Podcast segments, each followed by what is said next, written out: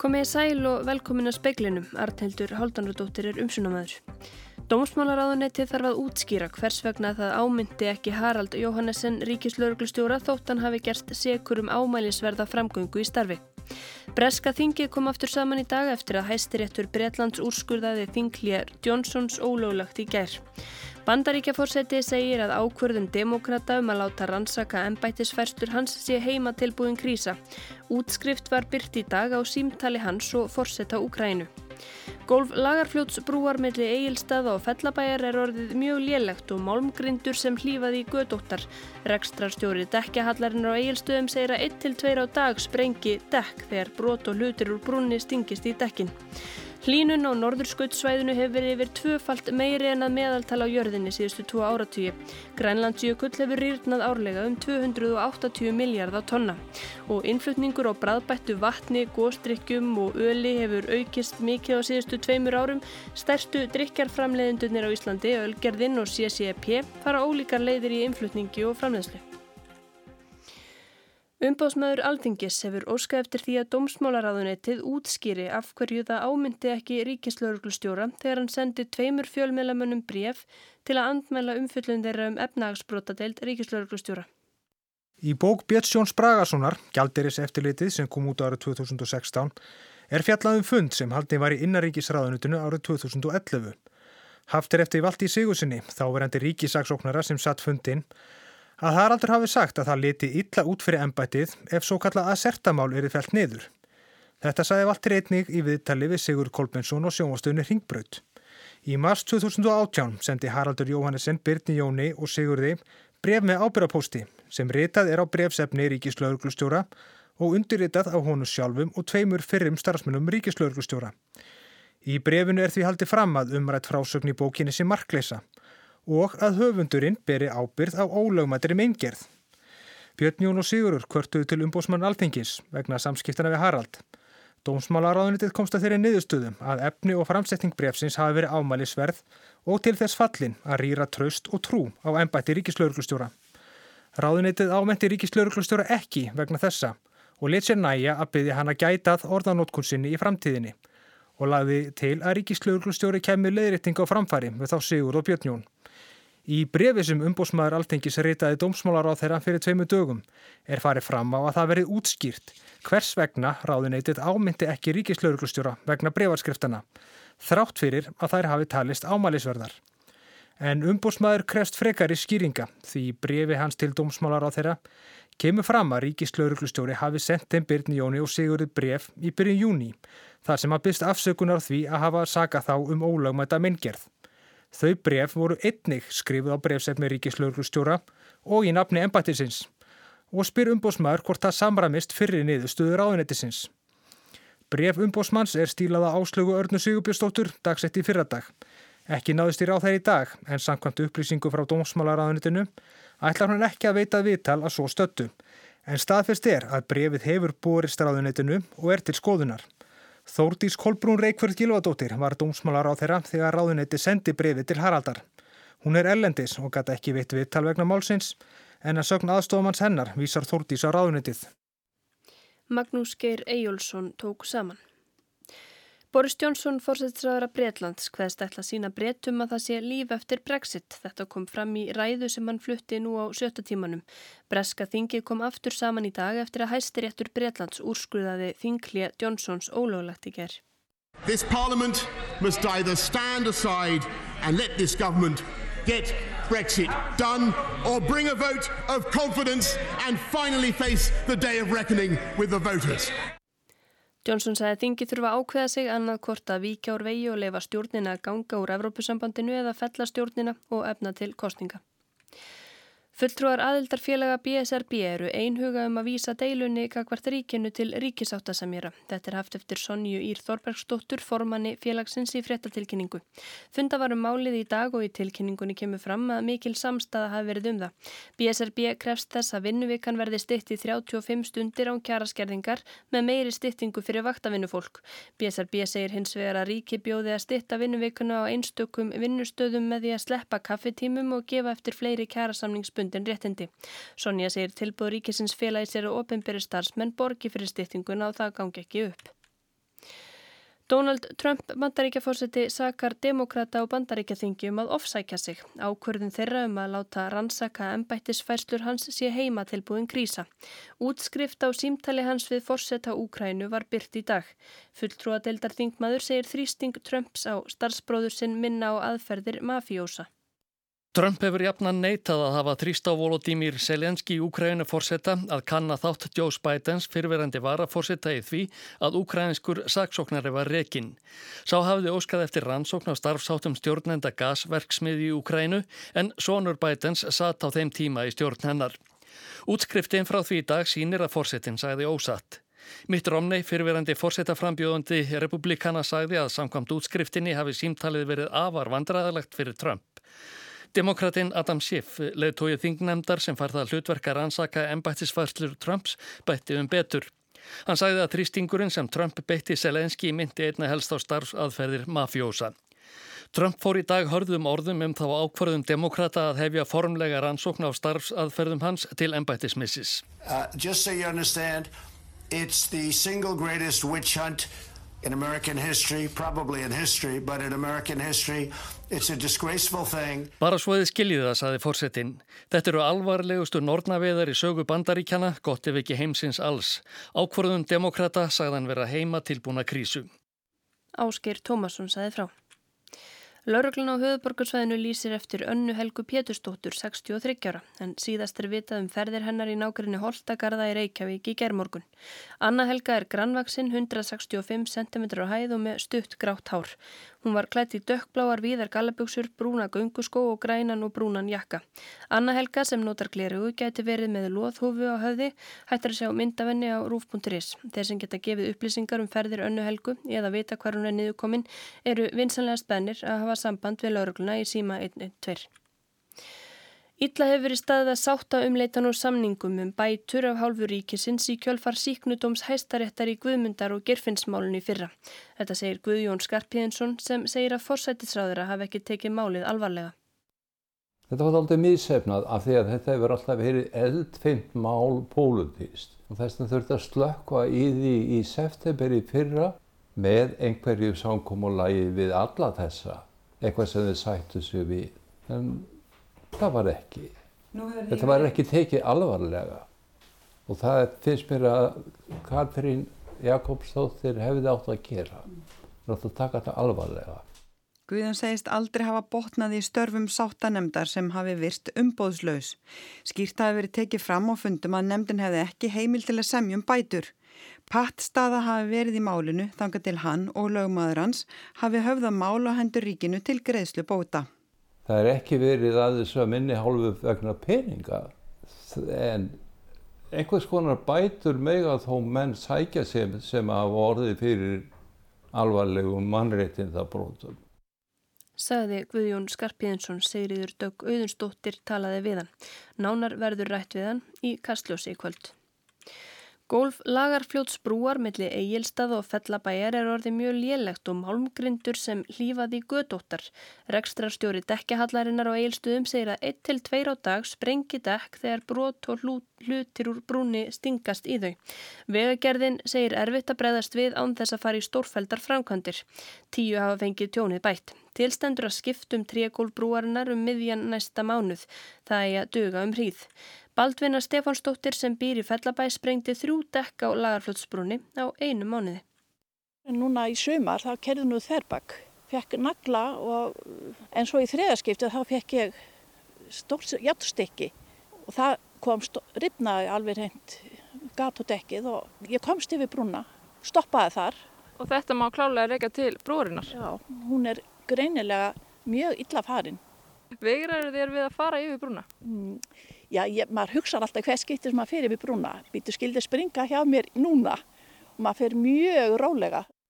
Segir Baldvina Stefánsdóttir, Hólmfríður Dagni Fríðjónsdóttir talaði við hana. Innflutningur á bræðbættu vatni, góðstrykkjum og óáfengu öli hefur aukist mikið á síðustu tveimur árum. Stærstu drikjar framleiðendurnir á Íslandi, Ölgerðin og CCEP, áður Vívilfell, fara ólíkar leiðir í innflutningi og framleiðslu. Stóra breytingin þegar kemur að innflutningi á bræðbættu vatni og góðstrykkjum virðst af átt sér stað í mæ 2017. Fyrstu fjóra mánuði ásins 2017 voru að meðaltali fluttin 500.000 kíló af góðstrykkjum, kólsýrðu vatni, bræðbættu vatni og óafengu öli. Síðan hefur mánuðar meðaltalið verið tæplega 1500.000 kíló eða þrefalt hæra. Hvað gerðist í mæ 2017? Jú, Costco opnaði á Íslandi og í april sama ár hætti CCEP áður Vívilfell að framleiða dósakók og kók í gleri á Íslandi, flutti það í staðin inn frá Svíþjóð. Verklæðistofan Ebla kannadi mismunandi kólefnisspor þess að flytjinn tómar umbúðir og tappa á hér, annars vegar, og að flytja einn tilbúna vöru hins vegar. Þetta var gert fyrir ölgerðina. Fjalla var um könnunina í spekli gerdagsins. Í ljós koma kólefnisborslega séð borgaði það sig alltaf að flytja inn tómarumbúðir og tappa á hér. En borgar það sig fyrir fólk og fyrirtæki. Speillin rætti við fórsvarsmenn tvekja fyrirtækja sem bæði tappa á og flytja inn þó í mismiklu mæli. Andri Þór Guðmundsson, forstjóri Ölgerðarinnar, segist hafa orðið var við aukinn innflutning á erlendum góðstrykkjum. Þessi orðið erfiðar að koma innlendum nýjungum að í hillum verslana og hann er ekki hrifin af stórfældum innflutningi út frá þessum umhverfissjónamöðum og, og, og út frá því að við getum og höfum alla burði til þess að framlega þess að drikja hérna innanlands þá finnst mér þetta persónulega gali Flytið þið eitthvað inn uh, tilbúið til neyslu? Já, já, við flytjum inn vörur eins og Red Bull um, en að öðru leiti erum við að mestu leiti í framlegslu Hvað kemur í veg fyrir það að þið bara flytið inn Red Bull þykni og bruggið þetta hér? Já, það er nú bara vegna þess að Red Bull er bara framleitt á einu staði heiminum og það er í Östuríki. Þannig að það er bara þeirra pólisí að við höfum alveg reynd og, hérna, og heldum áfram að reyna. Þannig að það væri alveg mögulegt að hérna, framlega þetta hér, tappa á hér. Já, já teknilega er, er ekkert að vambúna því sko, en, en kostnaður þetta per dós er það alltaf miklu harri. Þú getur rétt ímyndaði með þeir framlega biljónir af dósum sko og ná alveg gríðalegu kostnæðarhækkanmi. Þannig að auðvitað verður það miklu dýrar að gera það hérna. Við munum aldrei geta keft við framlegslu í, í stórum og, og þróðum ríkjum eh, vegna smæðar okkar, eh, vegna háslaunakostnæðar og vegna vakstastegs.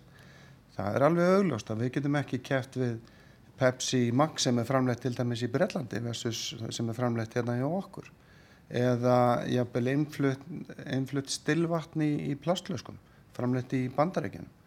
Ég, til dæmis þegar ég fyrir Vestlandur í bandarækjunum, þá sé ég stundum um, til sölu um, í, við getum sagt, afsláttu Vestlunum, þá sé ég bara útsöluverði hjá þeim að, að, að það nær, sko, varðla kostnæðverðinni hjá mér.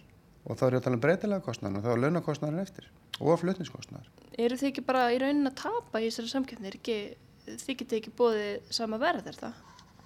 Jú, ég held að við séum bara, við erum bara sanginni sæfir en við getum þá rekna með því kannski okna, okkar hagnaða sem minni. Ég held að landsmenn og bara almennt þá munir fólk hugsa meira um umhverjus áhrifin að sinni neyslu heldur en áður og þá mun íslensku reyðnaður á endanum verða ofan á. Þannig að fólk uh, leggir þetta mikla áherslu á, á eh, umhverjus áhrifin. Þú telur að þau, þau vegi þetta þungt hjá fólki? þegar vega ekki þetta þungt hjá fólk í dag. En ég held að e, inn í framtíðina að þá þegar að umhverfis bókald er, er komið í fulla virkni og, og aðhald frá neytendum og vonandi upplýsingar í vestlunum um kólefnis fótspor á hverju vöru að þá munir neytandin taka upplýstar ákvarðan og vera tilbúin til þess að borga jafnvel aðeins herra verð fyrir e, lokal framleita vöru heldur en innfluta. Stefán Magnússon, sölu og markastjóri hjá CCEP segir litlar umbúðir í sókn um þriðjungur alls kóks sé nú seldur í gleri eða dós. Í stað þess að fjárfesta í nýjum vélum hér hafi fyrirtækið sér tækjafæri því að flytja framleysluna á þessum drikkjum til samstarfsaðilans í Svíþjóð. Sjálf sér eru við að nýta fyrirleikandi tækjakost og fyrirleikandi framleyslu línur og hafa verið að framlega meira magn þar og starri framleyslu lótur þannig að það er eitthvað hafkvæmara en, en á mótu kemur að flutningskostnaði til Íslands er talsveit hár. Og það framlega Íslandi býður på miklu meiri söguleika uh, styrtir tími til að bregðast eftir spurn og, og svolítið þannig að báðarlegir hafa kost og galla. Og það er náttúrulega alltaf eitthvað gengis á þetta í að kaupa vöru öllendis frá en á mótu kemur þá er innlega framlegslan hún fylgir innlendu kostnaðabreytingum þannig að má eiginlega segja að svona sé mjög svona til lengri tíma litið. Voruð þið eitthvað að velta fyrir ykkur kólefnisspori fluttingana þegar þið tókuð ákverðunum að byrja að flytja inn eh, átappa gós í meiri mæli? Já, við kerum það og, og hérna, þetta er einn af þessum mælikvörðum sem við fylgjumst mjög náa með og við, við höfum í raun og veru sem fyrirtæki sett okkur markmið í svona sjálfbætumálum, við erum með 21 mælalegt markmið til ásins 2025 og við erum með það markmið að minka losun gróðursaloftegunda um 50% fyrir árið 25. Kemur þetta þá ekki svolítið í bakið á okkur þessir flytningar á fullum umbúðum? Jú, en, en á móti kemur að við erum með mikið aðgerið til að minka okkar losun. Við erum til dæmis eh, byrjuð á því og gerum það á síðast ára að nota endurunni plast í plastlöskurnar. Það er svo kallar RPET, þannig að 25% af plast í öllum minni umbúðum er, er endurunnið Svo hefur við verið að skipta út svona plastfilmum uh, á ytri umbúðum í dósum og gósi og bjór fyrir pappaumbúður. Við höfum verið að leta plastflöskunar. Stefán segir það að flytja dósir og glærflöskur átappaðir til landsins ekki hafa veitt sveirum til að lækka verð vegna flutningskostnæðarins. Fyrirtæki tappar áfram kóki á plastflöskur hér. Stefán segir ekki borga sig að gera það ytra. Þrátt fyrir sænska kókið sé CCEP þó fyrst og fremst framleyslu fyrirtæki. Við erum að flytja en kannski eitt þriði af óafengum drikkjaförum en, en, en tveir þriði í magni er framleitt hérna á landi. 95% af öllum bjór sem við seljum er framleittur í brugghúsinu og akureyri. Á árunum 2006 til 2015 rýrnaði Grænjarsjögull árlegað meðaltali um 280 gigatonn eða 280 miljardar tonnan. Þetta hefur áhrif á sjáarborðu sem hefur hækkað meirinn gert var áfyrir í eldri spám. Hér við landið gæti hækkun yfirbór sjáar nöfnum einu metra út þessa öll.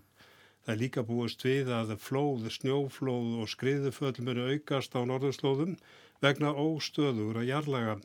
Þetta er meðal þess að kemur fram í nýri skýslu milliríkja nefndar samriðu þjóðana, IPCC, þar sem fjallað er sérstaklega um áhrif loslasbreyting á hafið og freðkvolvið svo eitir, eða jökla, jökul, breyður, sífrera og í raun allt sem að frýs.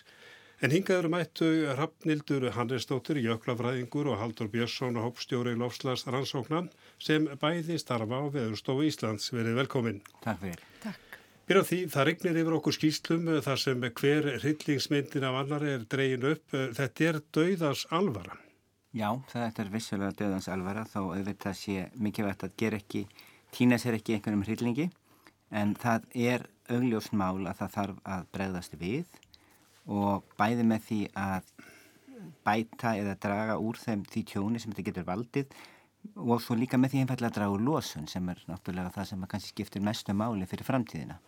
En framtíður þetta er í raun og veru bænakallum að það verði gert meira en þegar hefur verið ákveðið um mingun uh, losunar og gróður og svo lóttegundurum. Það þarf að gera meira. Já, vissulega og hérna eins og hefur komið fram í þessum skýslum og hérna hefur verið rætt um að þá er hérna þó við myndum draga verulega úr losun núna þá er þetta træða í kerfinu þannig að þetta myndi taka ára ára tugi að hérna snúa þessu við En er líklegt að það verði gert meira? Menn segja að það þarf að gera meira en finnst ykkur líklegt að það verði gert meira? Já, ég held að það sé nokkuð augljóst afleðingar loftasbreytinga sem eru taldar upp hérna og megnað þeim afleðingar sem hann hafa talið upp hinga til hafa gengið eftir á svo miklu leiti sem að það er byrjað að rætast. Og það er nokkuð ljóst að, að þegar alvarleiki málsins blasir öllum við þá munum mann gera það sem þarf, ég held að það sé annað er óhjóðkvæmilegt. En alvarleikin virðist vera að koma meira og meira í ljós. Þetta er já, einn skýsla mörgum og það er ekki löst við það að mann verði dálítið ílt við að lesa þetta því það er að, er að gerast og mun gerast ímislegt e, á mörgum e, vikstöðum í skýstunir sjónun að bentað áhrifum loslasbreyting á höfin og norður heimskauðsvæði það er eitthvað ekki bara að vera að tala um það en uh, það er verið að tala um uh, jökla og sífrera og, og síður heimskauðið En hlínun á norðurskauðsvæðinu hefur verið tvöfald hraðari en meðatali á jörðinni á síðustu tveimur áratugum. Já, hvaða áhrif mun þetta hafa? Það hefur náttúrulega mjög sínilega áhrif á hérna, freðkvolvið og, og jöklar út um allan heim eru að minga og hörfa. Sjónum er auðvitað mest beint að þessum stóri jöklum Grænlandsjökuls og jöklum á Suðskoslandinu en eins og kemur fram hérna þá er hins vegar mingun jökla á öðrum svæðum jarðar er álíka við það að hækkun í heimsögunum vegna bráðnur jökla annar staðar er álíka á það sem Grænlandsjökull er að, að tappa. En þetta mun hafa þú áhrif því að við erum að tala um freð kvolvið, það er mjög mm. víkt hugdag, reyndar nýtt fyrir mér en það verður að vara við auknum flóðum í ám, snjóflóðum, skriðuföllum vegna óstöður og jarlaga. Já, hvernig kemur þetta fram? Sko, þannig tengist þessu að menn er að kortleggja hvaða áhrif þetta væri. Hérna, hvernig kemur þetta fram? Við höfum séð skriðuföll hér sem eru vegna þess að það er að þýðina hérna, líklegast vegna þess að það er að þýðina ís í fjöllum og við höfum séð líka hlýðar sem eru óstöður þar jöklar hópa. Þetta er allt hluti sem við höfum séð rétta leiðin til að glýma við svona er aðlöðun. Það er að segja við reynum að kortleggja hvar er áhættan mest og svo skipaleggjum okkur í samræmi við það. Og þessi skýsla leggur mjög mikla áherslu á einmitt að þetta sé ekkit tapað spil en það þurfi að nálgast aðlögun og viðbröð af skipalegum hætti. Og bara einfalt dæma fyrir þarna er talað mikið um hafið þá kemur fram að það þarf að beita mjög miklum aga í fiskveðistjórnun vegna þess álags sem að vistkæru hafsins muni verða fyrir. Hérlandi þýðir það einfallega það að við getum ekkert slakað á þeim aga sem við höfum verið að beita hinga til. En ef ég vitna bara í skýstunni, ég ætla ekki að draga úr því að það verði dreyið meir úr losun, að þá segir orðið verði stórlega dreyið úr losunni á komandi áratugum, er líklegt að það hægi Ægjatækja á rýrnun, sífrera og snjóhölu þegar að fram í sækir en hörfur margra jökla og ísberein á Grænlandi og Suðurskauðslandinu mun halda áfram út öldina. Þannig að sama hvað við gerum heldur þetta áfram. Já, það er lengu þekkt að það eru fjög, hérna, það er raun og verið þrýr kostir sko. Við getum dreyðurlósun, við getum aðlagast eða við getum þjáðst og það er raundar lengu liðins á tíma að við getum valað okkur algjörlega frá þeim öllum en auðvitað viljum við reyna vel ykkur frá þjáningu eins mikið og hægt er og það gerum við þá með því að draga eins skart úr losun að við getum og aðlaða okkur síðan fyrir hinnu. Við skulum aðeins líta á hafið, þessi skýrsla fjallar um uh, áhrif loslasbyrting á hafið og uh, jöklanu eða freð kolvið og þetta hákir allt saman. Uh, það mun gerast mikið, sjáaröðuborð mun hækka framnildur og það er náttúrulega í beinu samengi við bránun á rýrnun jökla bæða á norðurskautunu og suðurskautunu. Já. Svona lístu þess að þér? Sko það sem að menn hafa náttúrulega talsverð ágjur af er, er hérna hvað er að gerast á Suðurskjöldslandinu og þar hérna er vestur Antartíka um, er stórt, hérna, stór íströmi sem er kelfur út í sjó og, um, og þar er standa menn fyrir áskorunum í að reyna að meta það hvort að mun verði einhver óða hörfun vegna óstöðuleikarna í, í þessari í öklum sem gengur hann út í sjó. Og bara ef að þessi þessi jökull mun allur brotna upp og, og hérna brána þá mun hann bæta við þremi metrum í hérna nattrenna sjáastöðu Við höfum kannski fór lítið talaðið um söður heimskautið að minna tala um það við erum einblín alltaf á norðurskautið en það er líka samsvarandi hlutar að gerast þar Já, sko, það sem skiptir máli var hendur sjáarstöðu breytingar og Vístarlendur lofstafsbreytingar gaf út skýslu síðasta, síðasta árið sem farið yfir þetta.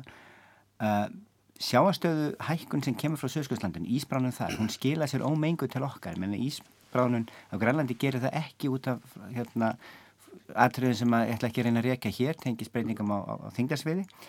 Þess vegna er breytingar eins og, og Ramlundur er að lýsa á Íströmmum þar mjög alvarlega fyrir okkur þrín metrar sem myndi kannski gerast á, á 300 árum eða, eða, eða lengri tíma það myndi samt sem áður hækka sjáastöðu hér um það um sama sömu tölu. Og það er auðvitað eitthvað sem við þurfum að afgjara af og meðal niðurstaða þessara skýslu er svo að sem að lístanemndur óttbreytinga gaf út í fyrra það þarf að huga miklu meira að óvissunni í því mati sem við vorum með af því að aukinn bráðun á Suðsvöldlandinu mun skila sér hér í hækkun og engu öðru En ef við lítum að þess á, já bara visskerfin og búsetu að þær breytingar sem verða óumflíjanlega munu hafa áhrif á já, visskerfi og, og, og búsetu. Ja, lýsið þessu nána, hvað, hvað er verið að tala um þar? Er verið að tala um að, að, já, bygg, að búseta vegna flóða eh, og hvað, hvað er verið að tala um? Stóru þættin eru náttúrulega, já, búseta á lásvæðum. Það er að segja það sem að hérna, sjáastöðubreitingar raska á lásvæðum. Uh, eigjar, í lálendar eigjar eru, eru, eru svona, dæmið um það. Uh, Maldíves, eigjar, Tuvalu og fleiri slíki staði, Kiribati, uh, Fiji eigjar og svo framvegis. Uh, síðan má líka tala um bránun jökla í það sem er kallað þriðji pótlinn eða himalægasvæðinu sem hafa áhrif á ástíðasveiflu af reynslis og það eru stórar stóri landbúnaðarsamfélag sem byggja á því að úrkoma skilir sér á réttum tíma og svo komi hérna, afreynslega frá jöklanum á öðrum tíma. Og ef þetta breytist og jöklanum skreppa saman þá breytist þessi rithmi algjörlega og, og all landbúnaðar frammest að þar þarf að aðlægast því. Svo er það líka náttúrulega bara á Grænlandi og Norður Kanada og sem heimskotasvæðin þar sem að sífririnn er er að setja svolítið stryk í reikningin fyrir þá sem búa á, á þeim svæðum. Þannig að þetta er, þetta er út um allan Ef við dræðum um sífriran að uh, það er vantar einhver sífrir á Íslandi en hann er kannski á miðháleitinu þannig séð að hefur kannski mikil áhrif hérna. En uh, hitin er að aukast í sífrirunum við erum að tala um að hann hverfi á stórum svæðum og það hefur mikil áhrif. En það er ekki alveg vist að það auki losun gróðrúsar áttum af Sko það er náttúrulega þegar sífræri bráðunar þá, þá hann er allar, allar framkvæmdir og allar, allar vegir ofan á honum allar, allar mannverki og slíkt eh, tapat alltaf undirstöðum styrk. Þannig að það eru svona hinn augljósu dæmi. Svo er það þessi losun frá bránandi sífræri sem er áhugifn þar að segja það er metanlosunin frá honum sem menn hafa þó nokkuð fjallað um. Niðurstöður þar eru misvísandi reyndar hversu mikið er að losna vegna metanbránunar í sífræra en það er alveg augljósmál að það er heilmikið forði sem getur tapast við það. Við verðum að fara að ljóka svo að eh, já, mikil hryllingsmynd sem er dreyin upp en uh, ég spyr ykkur, uh, er ykkur glæta, er ljós framöndun? Sko í þessum skjölum öllum þá er þó að þetta sé oft teiknað upp sem mjög neikvægt þá er líka eitt helmingu skíslunar er um lausnir og aðferði til að bregðast við, það er hvernig þarf að aðlagast, hvað hægt er að gera til þess og svo eru náttúrulega aðra skýslur um það hvernig hægt er að draga úr losun. Þannig að þetta er ekki allt eitt svartnætti. Við getum kannski litið á svona það sem við höfum talað um sem versturliti sem geta gerst sem eitthvað sem að mun ekki þurfa að gerast af því við getum gripið til aðgera til þess að komið vekkverða að gerist ekki. Þannig að því leiti er þetta alls ekki svo neikvægt. Það eru leiðir til að draga úr losun. Framlendur, þú ert eh, spesialisti í jöklum og heitastíginu. Mér finnst þér lesið að, að þó að eh, við náum því að halda okkur í einnur og halvu gráður, gráður að þá er samt, eh, samt sem áður mikla breytingar framöndan. Já, það er það og jöklarnir eru náttúrulega viðkvæmir og, og breyðast hratt við hérna, þessum breytingum sem eru í heitastígi og, og, hérna, og úrkominu. Úrkoma breytist náttúrulega meiri í rikningu heldur en snjó ef að, að heitin hækkar. Uh, það hefur gerðið alls konar líka reikningar fyrir til dæmis hvernig íslensku jöklum er vegna með ólíkar sviðsmyndir og, og margir af svona litlu jöklum náttúrulega munu hverfa. Þeir munu hverfa en spurningi var svolítið þó heldur við bara móttinu og verður bara á þessu einn, einn og halvu gráðu að samt sem áður verða mikla breytingar. Já. Það verða mikla breytingar. Þannig að við sjáum hvað setur Hrafnildur Hannesdóttir og Haldur Björnsson þakku fyrir. Það var meðal efnis í speiklinum að Dómsmálaráðunetið þarf að útskýra hvers vegna það ámyndi ekki Harald Jóhannesen ríkislauruglustjóra þótt hann hafi gert sekur um ámælisverða framgöngu í starfi. Hlínun á norðurskuttsvæðinu hefur verið yfir tvöfalt meiri en að meðaltala á jörðinni síðustu tvo áratvíu. Grænlandsjökull hefur rýrnað árlega um 280 miljardar tonna. Bandaríkjaforsiti segir að ákvörðun demokrata um að láta rannsaka ennbættisfæslur hans sé heima tilbúin krísa. Útskrift var byrt í dag á símtali hans og forsetta Úkrænu. Veðurhorfur á landinu til minnættis annað kvöld, hægt vaksandi norð-austanátt á morgun og þyknar upp fyrir norðan áfram mildi veðri. Jón Þór Helgarsson send út í kvöld, verið sæl.